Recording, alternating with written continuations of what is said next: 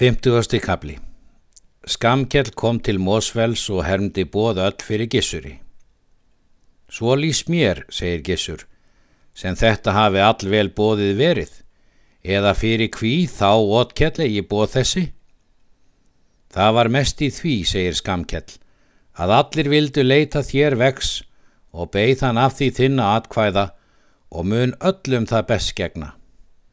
Þar var Skamkjell um nóttina. Gissur sendi mann eftir geiri goða og kom hann ofan snemma. Segir þá Gissur honum allt hversu fari var og spurði þá hversu meðskildi fara. Geiri mælti. Svo sem þú munt áður ætlað hafa að gera, það að þessu máli sem best gegnir. Nú munum við láta skamkjel segja sögun í annað sinn og vita hversu honum hermist. Þeir gerðu svo. Geir mælti. Rétt mynd þú sagt hafa sögu þessa, en þó hef ég þig séð íllmannlegastan mann og eigi deilir litur kosti ef þú gefst vel. Fór skamkjell heim og rýður fyrst í kirkjubæ og kallar út ótkjell. Hann fagnar vel skamkalli. Skamkjell segir honum hverju gissurar og gers, en um málaferli þessi þarf ekki að tala hljóðlega að það er viljið þeirra gers goð og gissurar að sættast ekki á mál þessi. Er það tillega þeirra að þú farir til hlýðarenda og stefnir hallgerðum stuld en gunnar um afneyslu. Og kell mælti.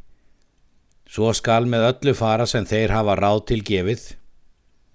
Þeim þóttu og undir því mest, segir Skamkjell, að þú hefðir sem mikillegast látið en ég gerði því sem mestan manna völlu. Nú segir Ótkell bræðurum sínum. Hallbjörn mælti. Þetta mun vera hinn mesta lígi. Nú líðast undir, þar til er stefnu dagar komu, hinn er síðustu til alþingis. Ótkell kvatti bræður sína og skamkjell að ríða til hlýðarenda stefnu för.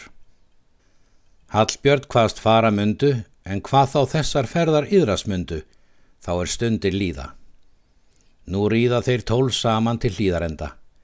En er þeir komi í túni þá var Gunnar úti og fann eigi fyrr, en þeir komi alltaf bænum. Hann gengur þá eigi inn. Ótkell lætur þegar dinja stefnuna. En er þeir hafðu framflutt stefnuna þá mælti skamkell. Er rétt stemt Gunnar Bondi. Þér vitið slíkt, segir Gunnar. En minna skal ég því áferð þessa skamkell, eitthvert sinn og tillugur þínar. Það mun oss ekki saka, segir Skamkjell, ef atgerin er eigi á lofti. Gunnar var hinn reyðastu og gekk inn og sagði kolskeggi. Kolskeggur mælti. Ítla var er við vorum eigi úti. Þeir skildu hafa farið hingað hinn að mestu sneipu ef við hefðum við verið. Gunnar mælti. Hvað býður sinnar stundar en ekki mun þeim för sjá til sæmdar verða. Littlu síðar fór Gunnar að finna njál og sagði honum. Njál mælti. Lát þú líkt á því fá, því að þetta mun þér verða til hinnar mestu sæmdar áður þessu þingi sé lokið. Skulum við er og fylgja þér allir með ráðum og kappi. Gunnar þakkaði honum og reið heim. Ótkell rýður til þings og bræður hans og skamkell.